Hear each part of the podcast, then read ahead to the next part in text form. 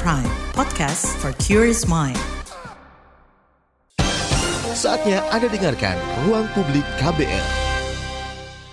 Selamat pagi, kita berjumpa kembali dalam Ruang Publik KBR. Dan pagi hari ini tema yang kita angkat adalah Indonesia Darurat Kekerasan Seksual Terhadap Anak. Apa upaya kita? Ya saudara, awal tahun 2023 kita dikejutkan berita soal dugaan kasus kekerasan seksual yang dilakukan anak usia sekolah dasar pada anak TK di Mojokerto. Ada juga kasus kekerasan seksual yang sempat berakhir damai di Brebes, walaupun uh, saat ini para pelaku sudah ditangkap. Lalu selain itu, Komisi Perlindungan Anak Indonesia KPAI dalam laporan akhir tahun yang dirilis uh, bulan lalu menyebut juga bahwa jenis kasus anak jadi korban kejahatan seksual ini menempati posisi tertinggi dengan 834 kasus dalam aduan klaster perlindungan khusus anak tahun 2022.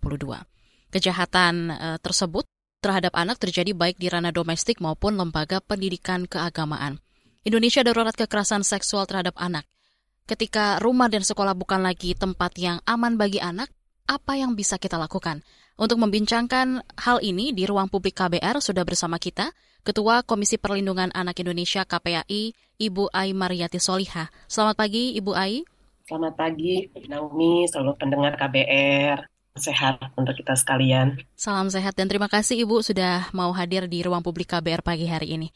Baik Ibu Ai, seperti yang tadi disampaikan di awal, dari laporan akhir tahun KPAI, poin-poin apa yang uh, harus jadi perhatian Bu terkait kasus kekerasan seksual pada anak selama 2022? Iya, betul. Ini keprihatinan uh, luar biasa ya. Karena berbagai data sudah menunjukkan sebetulnya bukan hanya uh, informasi yang dari disampaikan uh, melalui KPAI gitu Nah, uh, saya kira ini yang uh, harus kita cermati data ini. Pertama, tingginya animo publik ya untuk uh, melaporkan ke berbagai lembaga. Nah, ini harus kita uh, apa berikan sentimen positif gitu. Uh, karena sesungguhnya fenomena uh, kekerasan seksual ya, kekerasan pada umumnya kepada anak-anak itu agak sulit terlaporkan dan ini menjadi fenomena gunung es. Di kami tentu catatan krusial karena menempati selalu setiap akhir tahun kita rilis itu setidaknya menjadi top 3 untuk kejahatan seksual berbasis pengaduan baik melalui online ya langsung datang ke KPAI maupun tidak langsung berbagai media sosial dan juga pengawasan kami di berbagai media. Nah, ini menunjukkan bahwa uh, problematika kita dengan anak Indonesia ini harus betul-betul lebih jauh meningkatkan kewaspadaan, memberikan perlindungan dan tentu saja ini tidak berdiri sendiri yang kami soroti yang kedua adalah uh, anak dari korban kekerasan fisik dan atau psikis ya. Kalau di tahun lalu itu tertinggi Mbak, menempati hmm. hampir uh, apa 1100 lebih kasus ya. Dan di tahun ini uh, kejahatan seksual yang muncul di angka 834. Nah, akan tetapi di luar itu semua ini uh, menjadi sebuah indikator bahwa tujuan kita bersama dalam menempatkan anak sebagai agent ya, sebagai generasi yang harus kita jaga, kita rawat itu masih mengalami situasi dan kondisi yang memprihatinkan. Dan tentu ini juga selaras dengan uh, berbagai uh, yang dikeluarkan oleh pemerintah ya. Misalnya dari uh, survei pengalaman hidup ada empat dari sepuluh anak Indonesia mengalami kekerasan, dari uh, tiga uh, dari sepuluh anak laki-laki mengalami kekerasan. Nah, ini kan harus kita identifikasi kekerasannya fisik, psikis, seksual ya, penelantaran, bully misalnya dan lain-lain. Nah, catatan dari KPAI tentu kita juga harus konfirmasi di aspek hulu. Mengapa uh, kekerasan terjadi? Ini masih menunjukkan bahwa adanya sebuah kelemahan dari sistem pengasuhan baik itu di keluarga, sistem uh, pendidikan ya dalam kerangka relasi uh, apa antara guru misalnya dengan anak ya di sekolah mm -hmm. gitu. Kemudian juga masih uh, banyaknya problematika di ranah Eh, teknologi dan informasi yang itu memberikan uh, apa uh, pengaruh-pengaruh buruk atas tayangan atau konten negatif hmm. yang dikonsumsi oleh anak-anak kita. Nah, situasi ini tentu tidak juga berdiri sendiri.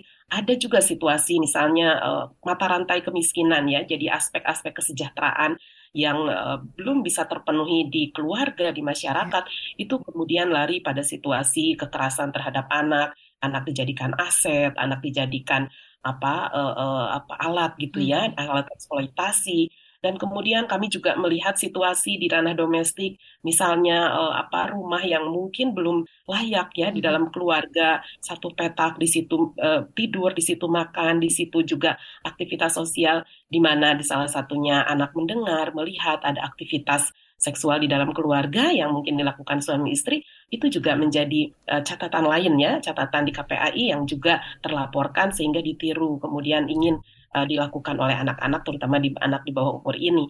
Nah, uh, di lain sisi juga uh, kerasnya ya uh, aspek pornografi yang itu mudah ternyata sangat uh, diakses oleh anak-anak kita. Di samping juga ada sisi kelalaian orang-orang tua, orang dewasa yang mungkin mengakses di gadgetnya dan kemudian dibuka oleh anak dan di situlah hmm. ada inspirasi yang luar biasa mendorong mereka untuk melakukan yang uh, dia tiru tadi karena 70% anak-anak ini menjadi kelompok yang sangat ulung dalam meniru. Mereka uh, sangat besar gitu upaya untuk melakukan percobaan-percobaan. Nah, ini tentu uh, menjadi sebuah yang uh, holistik ya kami uh, lihat gitu kemampuan uh, uh, upaya-upaya pengasuhan, kemudian juga situasi tadi yang saya sampaikan derasnya arus informasi yang uh, belum kita imbangi seutuhnya ya.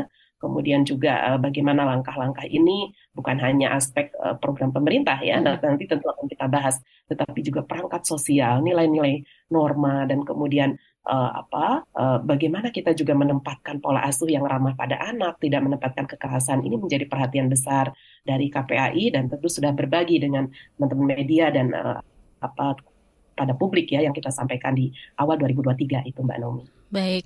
Lalu banyak Bu pelaku kekerasan pada anak ini adalah orang-orang yang sebenarnya dekat dengan anak seperti mungkin orang tua dan juga guru. Nah, mengapa orang-orang yang diharapkan menjadi pembimbing atau pelindung anak ini bisa berbuat seperti ini, Bu? Di mana sih sebenarnya ya, letak uh, masalahnya? Benar, ini juga yang sangat ironi ya, dan uh, tentu catatan ini juga terus uh, basis data di kami berdasar pengaduan itu adalah realitas yang uh, sangat uh, memprihatinkan lagi-lagi karena uh, kami tentu membuat uh, tabulasi data ya, mm-hmm. siapa sebetulnya relasi atau uh, hubungan antara uh, pelaku dengan teradu yang mengadukan yang uh, dianggap uh, korban dengan pelaku gitu ya, diadukan oleh orang oleh orang-orang terdekat oleh anak ini.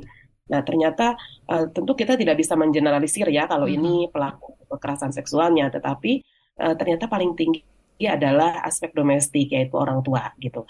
Dan berikutnya tadi ada uh, dari uh, guru gitu ya kalau dari sekolah, kemudian barulah ada tetangga, mereka juga ada aparat pemerintah di antaranya, kemudian orang-orang yang uh, mereka baru kenal gitu ya, baru menempati uh, situasi orang yang tidak dikenal, kemudian ada keluarga yang uh, lapis berikutnya ada nenek, kakek dan lain-lain.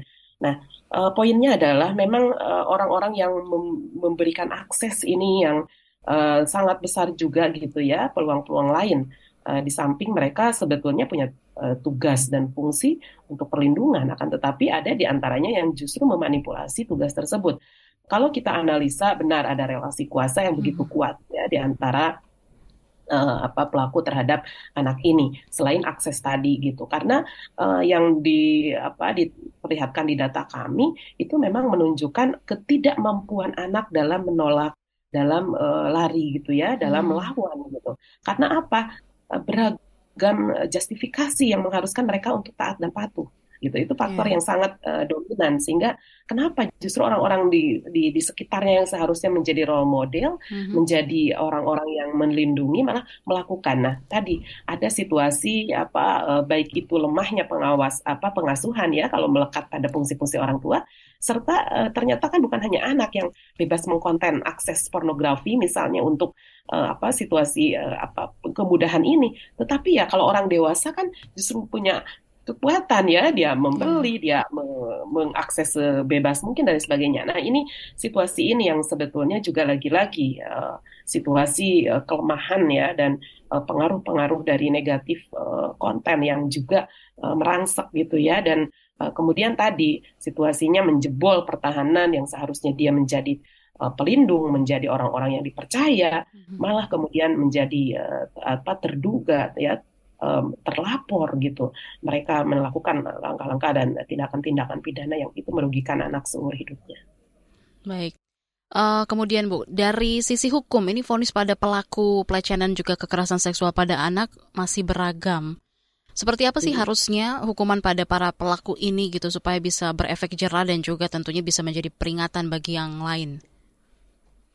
Ya, kalau bicara penegakan hukum ya, saya kira KPAI sejak 2016 sudah memberikan catatan krusial ya, karena uh, beragam refleksi ke orang-orang yang dekat dengan korban juga bukan saat ini yang menyatakan bahwa itu uh, ada di antaranya adalah keluarga, kemudian tetangga gitu ya.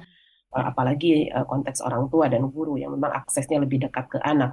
Nah, ini yang uh, kemudian revisi Undang-Undang 35 terkait uh, adanya pidana tambahan ya, yeah. yaitu kebiri, kemudian uh, adanya pengumuman di tempat terbuka dan pemasangan chief itu menjadi salah satu evaluasi atas penegakan hukum yang uh, maksimal hanya 15 tahun. Hmm. Saya kira konteks itu terus bergulir ya di tengah misalnya ada juga uh, pro kontra yang menyebutkan bahwa tambahan 20 tahun dan kemudian uh, pidana uh, apa uh, tambahan uh, atas situasi kekerasan itu juga agak sulit nih dalam konteks uh, realisasinya misalnya hmm. betul di Kebiri itu sudah jalan apa belum misalnya ya dan lain-lain. Nah, tetapi yang harus kita lihat hari ini adalah munculnya undang-undang TPKS 11 uh, Undang-Undang TPKS 12 2022 gitu ya. Hmm. Yang ini betul-betul menempatkan uh, korban itu mendapat perlindungan secara komprehensif serta pelaku juga mendapatkan uh, apa uh, bukan hanya aspek penjeraan dalam konteks pemidanaan atau mm -hmm. pemenjaraan akan tetapi juga uh, mendapatkan uh, apa pemulihan atas rehabilitasi uh, yang terjadi karena uh, konteks kekerasan seksual juga bukan hanya fisiknya gitu ya tetapi ada aspek-aspek psikologis yang membuat seseorang terus menjadi uh, apa melakukan tindakan tersebut. Saya kira ini satu uh, tambahan klausul yang bisa mm-hmm. menunjukkan bahwa orang-orang yang melakukan kejahatan seksual kepada anak juga harus uh, ada uh, korektif dan rehabilitatif, uh, tetapi untuk tujuan-tujuan bahwa ini bisa menghentikan gitu ya berorientasi atau memiliki target kejahatan terhadap anak itu. Nah tentu uh, kami melihat dari beberapa yang sudah dieksekusi hari ini, misalnya kasus HW di Bandung ya, okay. dengan ponis gitu, dengan kejahatan seksual yang sedemikian marak. Kemudian kami baru saja case conference di DKI terkait anak korban eksploitasi seksual. Bahkan uh, dari KPI direkomendasikan bahwa ini kasusnya sudah perbudakan seks, di mana tiga anak ini disekap di sebuah apartemen, misalnya untuk melayani sehari setidak-tidaknya 12 pelanggan setiap hari hmm. gitu dan mereka diberikan gaji hanya ala kadarnya gitu ya dan saya tidak melihat sistem gaji atau apa tapi controlling atas anak ini yang memiliki tubuh yang memiliki hmm. apa namanya eh, kehidupan itu sama sekali tidak dimiliki dengan dijejali obat anti haid misalnya anti menstruasi ya dengan tidak ada uh, apa kebebasan mengontrol tubuhnya jelas ini sudah masuk perbudakan seksual dan ini sudah masuk menjadi salah satu uh, penegakan hukum di aspek uh, apa uh, penyidik ya masuk dalam Undang-Undang 12 2022. Nah, biasanya kan ini TPPO pelindungan anak. Sekarang sudah hmm. juntonya di Undang-Undang PPKS yang saya sebut yeah. tadi perbudakan seks ini. Nah, saya kira mari kita uh, cermati gitu ya, uh, hukum sudah berjalan gitu dan ini tentu membutuhkan monitoring. KPAI hmm. mengambil peran tersebut sesuai dengan tugas fungsinya bahwa pengawasan terhadap angka kejahatan seksual ini harus uh, dioptimalkan gitu dengan uh, beragam uh, aturan perundangan yang hari ini sudah kita punyai serta bagaimana untuk lebih memberikan dukungan optimal pada tumbuh kembang anak. Karena dalam situasi 15 sampai 17 tahun sudah menjadi sebuah komoditi atas misalnya perdagangan seksual ya ini yeah perkembangan dari kejahatan seksual di aspek-aspek tadi, misalnya perkosaan, eh, kemudian dan lain-lain, tapi ternyata juga jadi aspek komoditi dan industri. Saya kira kita harus betul-betul eh, menunjukkan komitmen gitu ya, eh, hasil-hasil pengawasan kami yang ditindaklanjuti oleh aparat penegak hukum serta seluruh pemangku kepentingan karena ini situasi yang eskalasi kejahatannya juga meningkat gitu ya, data-data juga meningkat dan tentu saja kita juga harus punya challenge capaian-capaian atas uh, apa uh, target uh, penyelesaian, baik menekan angka, kemudian juga mengembalikan anak-anak ini menjadi pulih dan dia bisa menikmati kehidupannya secara wajar. Baik. Baik Ibu Ai, nanti kita lanjutkan kembali perbincangan kita pagi hari ini mengenai Indonesia darurat kekerasan seksual terhadap anak, apa upaya kita. Masih Anda dengarkan Ruang Publik KBR. Commercial break. Commercial break. Transfer ke sini udah, bayar ini juga udah. Ke gue udah. Heh, Allah pertumbuhan ekonomi tuh lagi melambat, persis kayak tabungan gue. Betul banget. Harus matang ngelola keuangan. Pengennya tuh investasi sesuatu gitu ya. Apa gitu yang cocok dan menguntungkan? Hmm, coba dengerin uang bicara deh. Gue belakangan lagi dengerin podcast itu di KBR Prime. reksadana yang tadinya 500 juta udah turun dari 250 juta sekarang 10 ribu sama kita ngopi mahalan mana ketika itu ada keputusan yang kayak begitu, investor harus tahu gitu, oh ada keputusan ini berarti implikasinya apa? Orang mungkin Perluas literasi kamu lewat podcast Uang Bicara. Uang Bicara menavigasi kamu dengan menghadirkan bahasan-bahasan seru dan populer mulai dari investasi sampai kebijakan. Dipersembahkan oleh KBR Prime dan bisa didengarkan di KBR Prime, Spotify, dan platform mendengarkan podcast lainnya. KBR Prime, podcast for curious mind. Masih Anda dengarkan Ruang Publik KBR. Anda masih menyimak Ruang Publik KBR dengan tema Indonesia Darurat Kekerasan Seksual Terhadap Anak. Apa upaya kita? Masih bersama dengan narasumber kita Ibu Ai, Ketua KPAI. Baik Ibu kita lanjutkan, tadi seperti yang sudah Ibu singgung juga sebelumnya Ibu ya. Dalam kasus di Mojokerto gitu seperti yang terlibat adalah anak-anak usia sekolah dasar ini dan korbannya adalah anak TK itu sendiri. Dan kasus ini dianggap sebagai korban uh, kelalaian orang tua, kemudian juga bisa dibilang kelalaian masyarakat, kelalaian pemerintah dalam meregulasi tontonan dan penyebaran pornografi. Berkaitan dengan itu, Ibu, menurut Anda sendiri uh, soal regulasi pornografi di Indonesia saat ini seperti apa, Ibu? Iya, ini uh, satu gejala ya yang uh, saya kira memang pengawasan itu menjadi kunci atas anak-anak kita ya bahkan ya kita sendiri sebagai orang tua uh, kalau menggunakan gadget ya itulah. Lagi-lagi yang tadi saya sampaikan bahwa lemahnya kualitas pengasuhan itu uh, ada beragam indikasi ya. Salah satunya ya kita juga sebagai orang tua harus lebih meningkatkan skill dan kecakapan atas pengasuhan tersebut dan juga tidak bisa tidak bahwa ada kualitas yang bisa mengendampingi. Nah, ini ini hmm. kalau konteksnya mendampingi kan berarti ada kelekatan ya kedua belah pihak. Lalu kemudian pengawasan. Nah, kalau ini masih mungkin bisa menggunakan uh, kita video call misalnya ya dan kemudian menggunakan uh, apa pengasuh pengganti tetapi tetap dalam controlling ketat kita dan lain-lain. Nah, uh, akan tetapi uh, sekali lagi ya pada situasi yang uh, aspek pornografi sedemikian uh, hebat di masyarakat, tentu di dalam undang-undang pornografi juga ini harus uh, memuat bagaimana pengasuhan uh, atas pencegahan pornografi uh, dari keluarga kepada anak ya.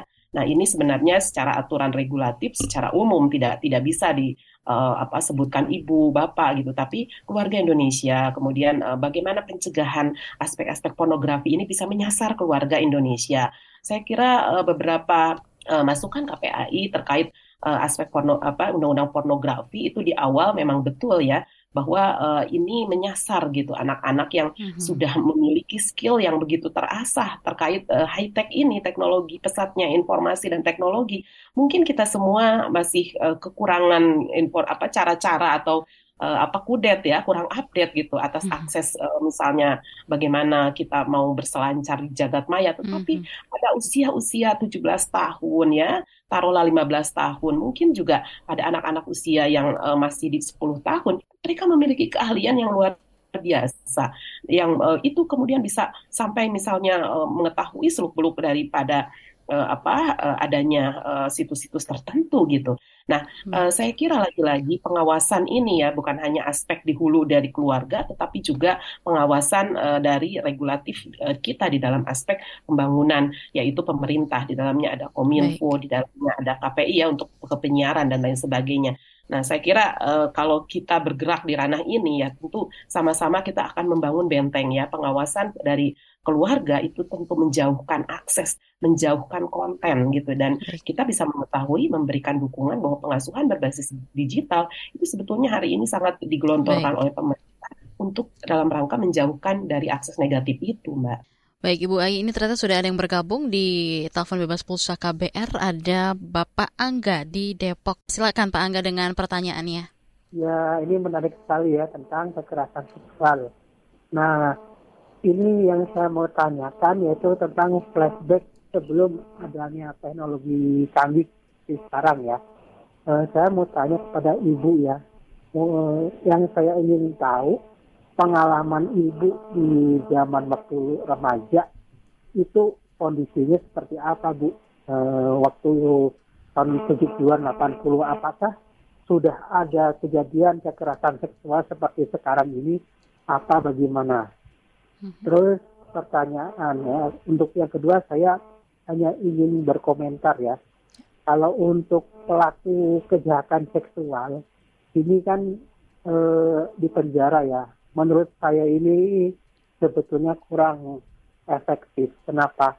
Karena mau bagaimanapun namanya udah keluar berbuat lagi berbuat lagi udah keluar di penjara berbuat lagi nah itu kurang efektif lah gitu harusnya kalau pelaku pelaku ini ya dihukum secara syariat Islam lah apa dicambuk atau di rajam begitulah. Baik. Itu aja Bu. Ya terima kasih. Baik, terima kasih Bapak Angga yang ada di Depok untuk pertanyaannya. Seperti apa tanggapan Anda, Ibu, mengenai pertanyaan Baik, dan juga komentar Pak Angga? Silakan. Iya, kita melihat uh, apa flashback ya. Jadi saya kelahiran 80, Mbak. Jadi saat itu belum hmm. remaja artinya ya. Uh, kita masuk ke 90-an lah baru. Hmm. Saya kira uh, apa uh, teknologi informasi saat itu juga uh, masih kita lihat maju ya, mungkin tapi ya hari ini kan uh, tambahan lainnya adalah online ini gitu ya. Hmm. Uh, jadi berbeda aspek internet uh, internetisasinya itu itu aja yang membedakan. Mungkin dulu juga kita sudah bisa uh, apa melihat uh, bagaimana menggunakan apa namanya TV-TV luar negeri itu bisa mudah hmm. juga kita akses gitu. Kemudian apa namanya VCD itu ya, VCD bajakan Laser itu luar biasa gitu. Iya. Um, situasinya juga sama gitu ya. Tetapi tadi aspek pengaduan masyarakat itu Pak Angga. Kalau dulu mungkin pengaduan ke polisi hmm. sudah gitu atau ke kantor-kantor uh, yang resmi gitu, kantor hmm. Uh, mungkin juga malah lebih banyak pengaduan itu ke ustadz ya, ke tokoh agama gitu. Ketika anak mendapat situasi dan dianggapnya udah kita sabar saja, kebanyakan seperti itu gitu. Hmm. Dan selesailah dengan kekeluargaan. Nah tentu uh, saya kira konteksnya kalau dari sisi sosio sosiologis um, melihat situasi kekerasan itu bisa terjadi kapan saja dan di mana saja. Tetapi memang hari ini salah satu pemicu yang luar biasa adalah pesatnya teknologi. Ketika sebelum itu benar ada kritik otokritik atas relasi kuasa kita. Tetapi problem relasi kuasa tidak diselesaikan. Karena misalnya ah orang tuanya kan nanti nggak ada yang menafkahi. Ah gurunya, oh nanti juga dia akan uh, tetap jadi guru di sekolahnya atau mungkin tetangga kanan kiri nggak enak karena tiap hari ketemu. Situasi itu yang justru membungkam aspek-aspek pembebasan atas situasi kekerasan. Nah, kalau kita tarik lagi, isunya itu mungkin lebih uh, dikenal juga di masyarakat. Ada MBA misalnya ya, married by accident iya. gitu anggapnya itu sesuatu ya karena mereka berzina satu gitu cara pandangnya. Uh, bukan pada aspek misalnya karena juga terjadi kekerasan. Mm-hmm. karena terjadi pemaksaan dan lain sebagainya. Jadi Pak Angga menurut saya tingkat uh, apa keter, ketersediaan data itu yang kita tidak punya. Dan yang kedua kalau dari sisi uh, kedaruratan ya dan aspek-aspek konvensional yang terbentuk dari aspek kekerasan seksual itu uh, masih replikatif gitu. Mm-hmm. artinya sama ada kesamaan tetapi juga ada sisi yang hari ini kita tidak bisa menafikan memang trigger yang paling besar itu karena aspek tadi uh, teknologi. Nah, yang kedua ini benar ya. Lalu uh, aspek uh, misalnya pelaku uh, di penjara itu enggak hmm. uh, apa enggak memberikan efek jerak mungkin pada fase uh, apa pun binaan ya kemasyarakatan atau pada uh, tindakan melawan hukum kita tetap melihat bahwa penjara itu satu uh, tempat yang memang untuk uh, melakukan apa uh, uh, tindakan hukum yang harus diterima sebagai sebuah tindakan pidana ya. tetapi dengan adanya undang-undang TPKS ini menjadi data juga di antara kita hmm. bahwa bukan satu-satunya pemenjaraan ya. tetapi juga ada aspek tadi korektif rehabilitatif gitu ya dan juga pengembalian pengembalian secara hak asasi manusia bahwa dia jahat kepada anak itu sudah mencerabut hak makanya diberikan uh, apa aspek pembinaan lain supaya dia lebih memiliki kesadaran atas situasi HAM misalnya. Nah, tetapi kembali ada uh, hukum syariat. Nah, ini yang saya juga sebetulnya uh, kita memiliki apa ya ya. Uh, konon-konon uh, siasah mungkin di Aceh gitu ya itu masih berlaku seperti itu. Tetapi kami juga kerap melakukan otokritik ya terhadap situasi tersebut. Justru yang muncul bukan uh, hanya bukan uh, apa menurunkan gitu ya. Tetapi yang hmm. terjadi justru mereka hanya bisa memanipulasi kalau itu ya yang ketahuan aja yang dicambuk. Kalau yang tidak ketahuan misalnya atau uh, kejahatannya bisa dengan argumentasi-argumentasi yang bisa mematahkan tidak terjadi. Jadi hari ini hukum positif menjadi satu capaian yang harus kita lakukan. Langkah-langkah uh, in, uh, law enforcementnya penegakannya, tetapi kemudian kita juga harus bergerak sadar atas hukumnya. Gitu. Tapi kalau kembali ke hukum syariat, justru kita harus uh, punya otokritik yang kuat di sini ya. Kami juga koordinasi dengan uh, majelis di uh, apa Aceh gitu ya terkait kekerasan seksual. Karena kalau aspek anak apalagi tidak bisa hanya dicambuk, tapi jelas ada rehabilitatif dan tadi aspek pemenjaraan itu tak penting untuk uh, para pelaku orang dewasa. Terhadap pelaku anak tentu kita juga punya mekanisme sendiri, yaitu ada sistem peradilan pidana anak ya, yang menempatkan hmm. anak secara berkeadilan dan proporsional. Ada uh, kurun usia yang memang menjadi ukuran-ukuran atas uh, tindakan uh, apa penegakan hukum hmm. ya kepada uh, anak yang menjadi pelaku. Demikian Mbak. Baik Ibu Ai, terima kasih atas penjelasannya. Nanti kita lanjutkan kembali pertanyaan-pertanyaan yang sudah uh, kami siapkan juga untuk Anda dan juga dari pendengar yang sudah memberikan komentar di channel YouTube Berita KBR dan juga melalui WhatsApp. Ruang Publik KBR dengan tema Indonesia Darurat Kekerasan Seksual Terhadap Anak, apa upaya kita akan segera kembali. Masih Anda dengarkan Ruang Publik KBR. Yuk follow social media KBR Twitter at Berita KBR, Instagram at KBR.id, Youtube Berita KBR. Masih Anda dengarkan Ruang Publik KBR. Kita kembali lagi di ruang publik KBR pagi hari ini dengan tema Indonesia Darurat Kekerasan Seksual Terhadap Anak. Apa upaya kita? Masih bersama dengan narasumber kita, Ibu Ai, Ketua KPAI Komisi Perlindungan Anak Indonesia. Baik Ibu, kita akan uh, membacakan beberapa komentar yang sudah masuk di channel YouTube Berita KBR. Baik, kita baca yang pertama dari Lestari Lakalet. Selamat pagi Ibu, apakah kami bisa dikasih materinya? Mungkin uh, dari Ibu Ai bisa memberikan website atau apa uh, something gitu untuk mendapat bahan-bahan soal materi yang ditanyakan oleh pendengar kita? Oh iya, tentu bisa. Nanti saya kirim website KPAI ya. Mm-hmm. Juga hasil dari laporan akhir tahunan 2023 2022 yang sudah kami berikan kepada uh, publik ya. Nanti saya khusus spesial untuk teman-teman pemirsa KBR saya kirimkan. Bisa Baik. diakses. Baik, terima kasih Ibu Ai. Lalu kita bacakan kembali dari Apriliana Lestari. Bagaimana cara mengatasi kebingungan saat harus mengatur jadwal rumah tangga dan pekerjaan di kantor secara bersamaan karena tidak ada tenaga bantu asisten rumah tangga. Ini terkait pola pengasuhan.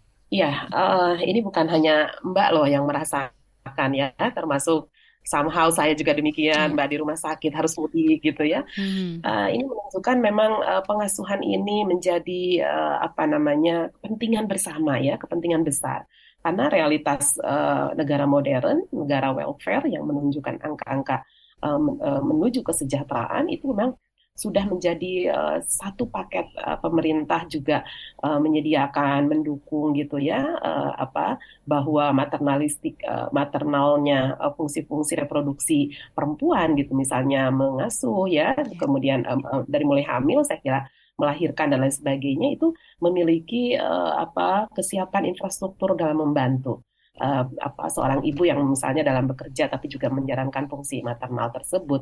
Nah, eh, bagaimana dengan situasi di Indonesia? Nah, saya kira ini kan langkah-langkah yang sedang kita bangun ya. Negara kita mungkin belum sebegitu maju, tetapi untuk menuju arah kesejahteraan ini sedang um, arahnya sudah mengarah ke sana Nah, sehingga benar uh, ada ada skill, ada kemampuan yang itu berlandaskan pada uh, kesepahaman sa uh, satu pasangan di dalam keluarga. Jadi tidak bisa kita hanya mengandaikan ini keterampilan ibu gitu ya. Yeah. Ini hanya keterampilan ayah, tetapi memang ada kesamaan uh, tugas dan fungsi terutama di dalam menjalankan pengasuhan. Kalau kita lihat dalam Undang-Undang 35 2014, memang ini secara normatif jelas sekali tugas dan fungsi keluarga hmm. adalah sejatinya ayah dan ibu dan mereka lah yang memberikan uh, merawat, mengasuh gitu ya, memelihara, mencukupi dan kemudian memberikan uh, pemenuhan hak atas anak, juga memberikan uh, apa dukungan menanamkan budi pekerti ya, mencegah perkawinan. Kemudian mereka juga uh, harus uh, berupaya melindungi dari aspek kekerasan itu jelas sekali di dalam undang-undang. Nah, bagaimana implementasinya? Termasuk misalnya hari ini RUU pengasuhan ya rancangan undang-undang, kemudian RUU KIA kesejahteraan ibu dan anak. Mm -hmm. Itu menyoroti memang bagaimana aspek ibu bekerja. Misalnya saat ini kan sedang ada pengajuan cuti enam bulan ya. dan kemudian untuk ibu yang melahirkan itu ya. Dan kemudian juga ada uh, apa infrastruktur pemerintah yang juga memberikan dukungan uh, deneni gitu ya kalau bahasa mm -hmm. kita itu pekerja rumah tangga yang memang juga membantu untuk situasi itu. Nah, intinya bagi kami dari KPAI uh, eh, aspek pengasuhan ini hulu dan tentu uh, ada sisi uh, pengasuhan yang kontinum ya di situ baik itu dia bapak dan ibu dalam keluarga juga keluarga ya. Jadi ada kakek nenek di dalamnya gitu ya. Terus juga keluarga yang terdekat uh, sampai ke derajat ketiga baik itu ke atas ke bawah ke samping. Ini uh, menunjukkan besarnya uh, animo atau besarnya uh, dukungan potensial pada pengasuhan anak yang harus dioptimalkan. Nah, hmm. kalau tadi bagi waktu dan segala macam, sebetulnya itu harus masuk dalam kesepakatan bersama, baik itu orang tua, kemudian tadi keluarga besar yang akan membantu kita. Jadi saya kira ini bagian penting ya pengasuhan ini Mbak. Mari kita terus uh, kita kuatkan dan kita uh, apa bangun sedemikian rupa sisi kondusivitas karena anak bukan hanya tumbuh, yeah. tetapi dia berkembang sesuai dengan hal kata martabatnya. Itu yang kita cita-citakan sebagai generasi emas di masa yang akan datang. Baik.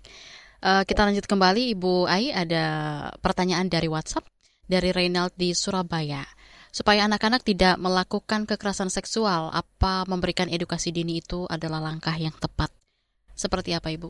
Ya, uh, ini saya terima kasih nih pertanyaannya sangat bagus ya. Apalagi triggernya kita ada kasus anak yang melakukan kekerasan seksual pada anak lagi. Nah ini sebetulnya uh, uh, harus terintegrasi ke dalam uh, pola asuh yang pertama tentu sebagai kambium yang paling inti ya di dalam keluarga. Kemudian juga uh, dia masuk terintegrasi dalam kurikulum pendidikan gitu ya. Dan uh, kita jangan lupa punya peranata sosial yang sangat kaya, kearifan-kearifan lokal di masyarakat yang itu sebetulnya uh, sangat ramah terhadap anak mm -hmm. itu juga harus bisa memberikan dukungan ya atas perlindungan anak-anak kita gitu. Nah selebihnya ya memang uh, masuk di dalam berbagai aturan perundangan, kemudian juga uh, dalam aturan perundangan yang bukan hanya tentang perlindungan anak ya, misalnya aspek-aspek lain di dalam uh, misalnya infrastruktur kota ya, bagaimana pemerintah daerah juga memiliki uh, apa tempat-tempat ruang bermain ramah anak. Ini juga bukan hal yang uh, apa tidak mungkin, tapi ini sedang digelontorkan, dikampanyekan, tapi harus dieksekusi oleh pemerintah daerah. Nah, hmm. tetapi kadarnya memang masih juga berkurang. Nah, ingin kembali pada sex education ini sebetulnya bukan hal baru ya dari mulai misalnya kesehatan reproduksi yang digagas oleh BKKBN tentu dengan berbagai partisipasi masyarakat uh, kemudian menguatkan berbagai aspek uh, apa kurikulum yang di dalamnya juga ada apa educate apa sex education uh, hari ini kalau bicara efektivitas programnya yang saya kira harus betul-betul kembali direvitalisasi. Hmm. Kenapa? Karena misalnya dari sisi pendidikan, secara formal ya saya bicara, iya. dulu mungkin secara tematik ya kurikulum 13 itu ada khusus di anak-anak SD, di Dasman lah saya mengatakannya, hmm. ya pendidikan dasar dan menengah, itu terkait diriku. Diriku itu kan hmm. mengenal hmm. siapa aku, anggota tubuhku, aku tuh perempuan loh, aku punya perangkat atau punya uh, organ tubuhnya ini berbeda ternyata dengan laki-laki. Jadi tidak tidak apa, hmm. tidak kepala, uh, lutut kaki, tidak. Ini yang sebelum kaki itu apa di hmm. dalamnya gitu itu yang sebetulnya juga bagian penting utama untuk mengenalkan aspek yeah. Ya. uh, apa kesehatan reproduksi. Nah, kalau sex education, apakah melulu soal hubungan intim? Ini juga yang mungkin ya sebagian aja, mm -hmm. saya tidak menyebut seluruhnya. Mm -hmm. Kadang salah kaprah memaknainya bahwa sex education itu bukan hanya soal hubungan intim, tetapi ada relationship. Bagaimana anak dengan anak perempuan, anak laki-laki dengan anak perempuan. Mm-hmm. Relasinya apakah sama? Di kolam renang harus dicampurkan uh, apa uh, mandinya, tapi kemudian misalnya membersihkannya kan kita ada ini khusus perempuan, ini yeah. laki-laki. Itu kita memberi edukasi yang berbeda, yang tentu berbeda jenis kelamin, berbeda penanganan, bentuk juga berbeda. Nah, bukan pada aspek tadi gitu ya hubungannya. Kemudian juga kecenderungan ini naik lagi ke tingkat menengah anak-anak SMP gitu ya atau SMA. Kenapa ya kok aku dalam usia tertentu tertarik sekali sama lawan jenis. Nah, ini sudah muncul, muncul uh, ada hormonal di sini pendekatannya, ada apa namanya aspek-aspek uh, apa uh, pada sisi ketertarikan relationship tadi gitu ya, hmm. pada lawan jenis dan lain sebagainya. Nah, uh, menurut saya penting sekali yang disampaikan ini dan uh, saya sering uh, kemarin pun saya uh, melakukan RDPU dengan BKKBN ya rapat dengar pendapat di DPR menyatakan bahwa sex education dan kemudian uh, dibungkus melalui misalnya pendekatan kesehatan reproduksi untuk eh, laki-laki uh, dan perempuan yang uh, ini beragam ya, klasternya usia anaknya dan kemudian peruntukannya ini sangat penting direvitalisasi. Karena apa?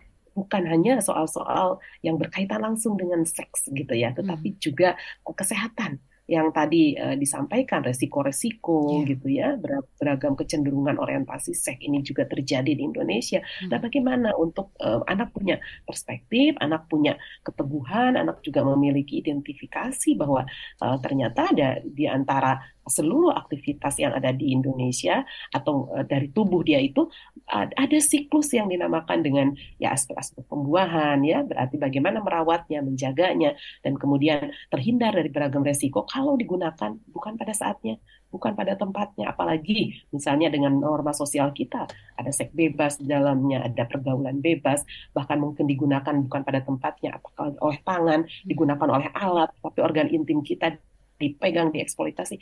Apakah itu juga eh, bagian dari sex education? Iya, itu bagiannya. Nah, jadi ini yang menurut kami saya breakdown agak agak ini ya, Mbak iya, Naomi yes, karena ya Nah, kerap ada yang menyalahpahami bahwa hmm. kalau begitu anak diajari hubungan seks, hanya diajari memasang kondom. Tidak gitu. Hmm. Tidak seperti itu. Mungkin kita semua teriak juga anak kecil yeah. diajari masang kondom untuk uh, kesehatan reproduksi menurut saya masih belum tepat ya. Tetapi tadi kecenderungan, lalu perkembangan hormonal, aspek-aspek pembuahan itu akan diselaraskan dengan uh, tumbuh kembang dan usia anak.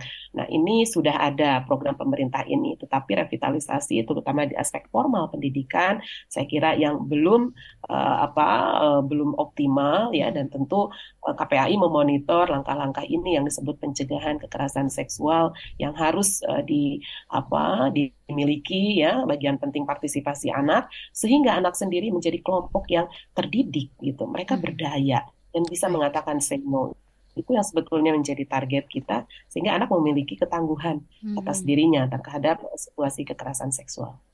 Baik, Ibu Ai, ini ada yang berkomentar lagi di YouTube. Kita baca dari Lestari Lakalet yang tadi ya, lanjutan.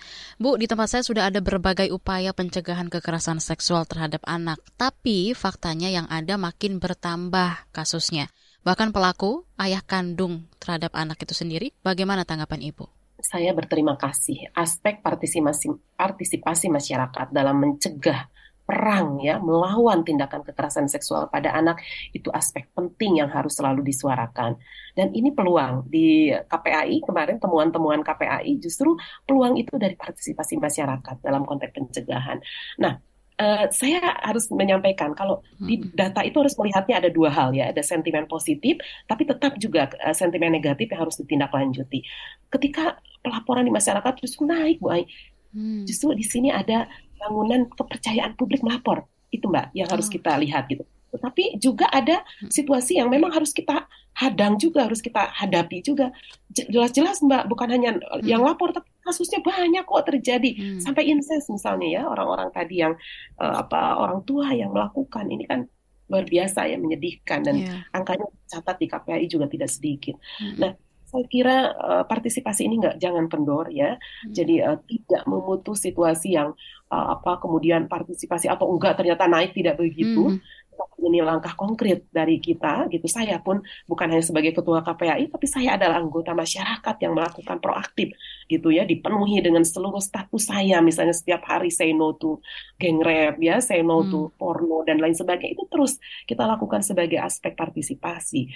Nah, bagaimana menangkal atau bahkan sudah menangani ya uh, pada kekerasan seksual yang itu bahkan dilakukan oleh orang tua sendiri.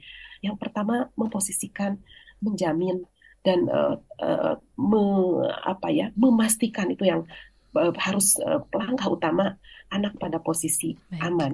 Jadi kalau kita mengenal rumah aman gitu ya, di mana pun pemerintah punya, kita betul-betul ingin menitipkan anak ini sementara itu pada situasi itu dulu. Karena kalau masih di rumahnya, sementara pelaku adalah orang dekat, bahkan mungkin masih berada di samping kanan kirinya, saya kira psikologis ini anak ini akan terus berguncang. Bantuannya tentu Bapak Ibu jangan sendiri ya. Selain ke kami KPAI bisa ke P2TP2A di setempat atau ada satgas-satgas gitu ya. Ada satuan tugas, ada pos uh, keamanan atau pos uh, kepolisian itu harus ter terhubung. Baik. Jadi jangan ragu. Dan ini langkah utamanya adalah mengamankan korban dulu, baru Baik. langkah berikutnya adalah ya tadi ya laporan kepolisian akan senantiasa menindaklanjuti. Ini yang menjadi concern kita sehingga aparat penegak hukum punya perspektif yang sama Baik. atas uh, penanganan, kemudian juga memberikan law enforcement yang jelas kepada kasus-kasus tersebut. Begitu Mbak Naomi.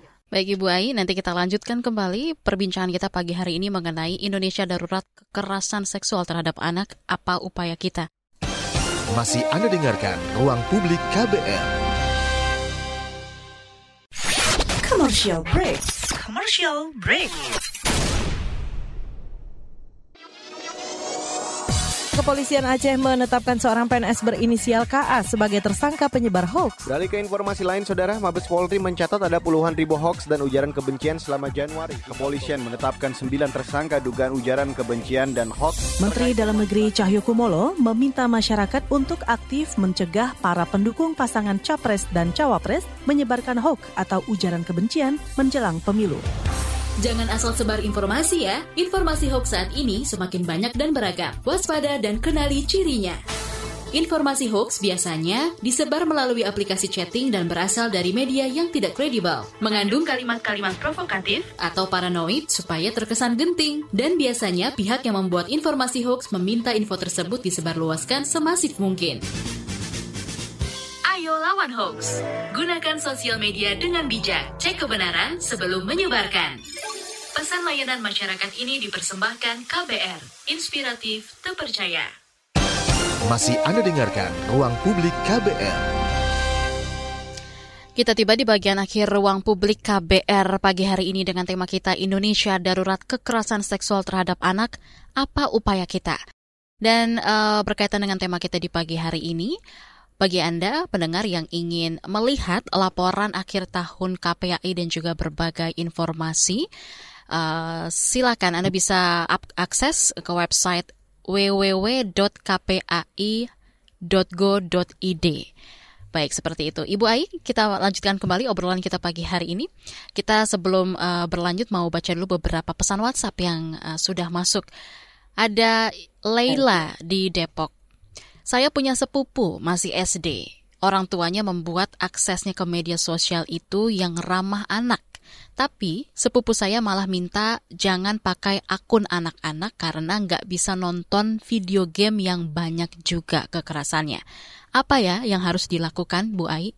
Kita baca itu dulu yang pertama. Yang kedua Ibu, dari Mary di Makassar, Kesal juga mendengar kasus-kasus soal eksploitasi dan perbudakan anak yang diceritakan Bu Ai tadi. Lalu sebagai orang dewasa, apa yang bisa kita lakukan untuk melindungi anak-anak kita? Silakan Ibu Ai bisa ditanggapi secara umum dari kedua pertanyaan WhatsApp ini, Ibu.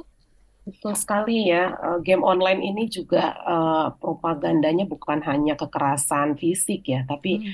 ada di antaranya game online yang dapat rewardnya itu hubungan seks ya itu ada beberapa tayangan yeah. seperti itu yang saya kira ini yang uh, pengawasan atas uh, Permen Kominfo ya tentang game online ini yang kami lakukan dan uh, apa game online itu juga kita mazhabnya kok masih berusia artinya di usia 15 sampai 17 itu boleh yang sifatnya perang-perangan atau kekerasan itu masih bisa ditoleransi.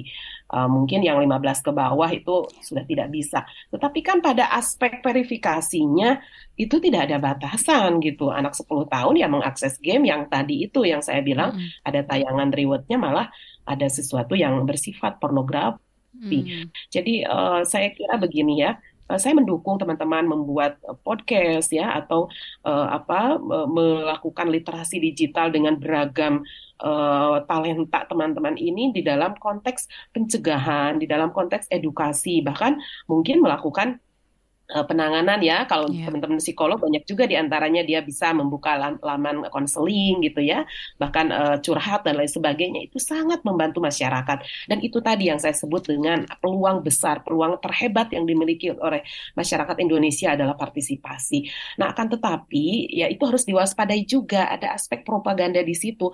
Link-linknya itu jadinya uh, apa bisa jadi sangat longgar keluar hmm. masuk malah tawaran-tawaran loker yang bodong gitu ya, yang malah di situ ternyata ada prostitusi online-nya dan lain sebagainya. Ini juga yang membantu kita semua untuk semakin memiliki kewaspadaan, meningkatkan skill literasi digital, dan kemudian pengasuhan berbasis digital yang memang tidak bisa uh, kita pisahkan dari realitas uh, kita berbudaya internet ini, hmm. berbudaya uh, media sosial ini.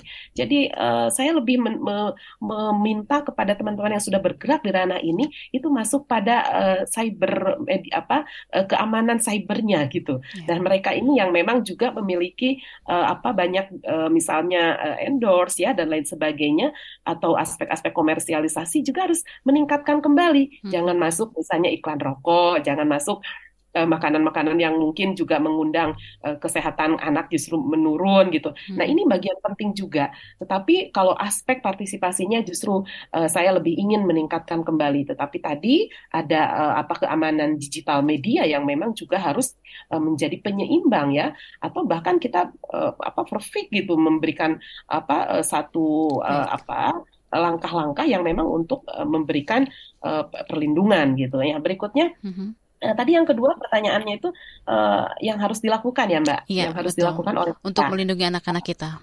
Benar, ini sebetulnya gongnya gitu ya. Kita masyarakat saya kira terus melakukan langkah ini. Kami KPAI tentu dengan uh, beragam hasil-hasil uh, pengawasan silakan digunakan oleh masyarakat untuk membangun gerakan sosial, menghidupkan pranata sosial, menyeleksi uh, pranata sosial kearifan lokal ya. Misalnya uh, saling asah, saling asih, saling asuh di masyarakat itu itu jangan hanya uh, apa terma-terma yang hanya uh, apa kamuflase atau lip service, tetapi kita membesarkan anak sekampung, anak sekomplek. Hmm. Jadi anak kita, anak kamu, anak kita semua dia ada tuh di di ujung misalnya di seberang jalan di sana yeah. itu sampaikan pada orang tuanya segera telepon. Itu yang disebut awareness. Apa yang um, dimiliki sebetulnya oleh masyarakat kita. Ya kemudian uh, apa aspek pengasuhan ini jangan jumud ya ya. Hmm. Kita kadang orang tua itu, ah saya udah dikasih tahu kok sama mama saya terus aja apa referensinya itu hanya dari uh, apa aspek misalnya apa turun temurun hmm. kita belajar kita buka buku, kita beli buku gitu. Kita juga membuka ruang-ruang uh, kanal seperti ini KBR pembelajaran yang memang dipertanggungjawabkan rujukannya mm-hmm. dan itu dipraktekkan bukan hanya diam di kepala. Yeah. Karena kampium utama itu di dalam keluarga. Berikutnya adalah pranata sosial budaya kita. Jadi kita pun nih yang sering arisan, coba dong arisannya ramah anak sesekali gitu ya. Kemudian uh, perangkat sosial lainnya tuh uh, PKK, program PKK-nya atau bapak-bapak apa kelompok-kelompok motor gede misalnya Baik. kita juga memberikan uh, apa partisipasi terhadap anaknya. Ini hal penting. Berikutnya law enforcementnya. Jangan ragu melapor mbak. Hmm. jadi kita ini uh, apa jangan lagi ada situasi yang nggak enak. Ini keluarga saya ini uh, apa pak rt saya dan lain sebagainya. Kalau itu terindikasi lapor. Lindungi anak kita proses hukum itu betul-betul kejahatan seksual tidak ada istilah uh, apa damai istilah uh, apa uh, saling apa damai di depan dan lain sebagainya. Mari KPAI membuka diri seluas-luasnya untuk menjadi bagian dari pengawasan penyelenggaraan.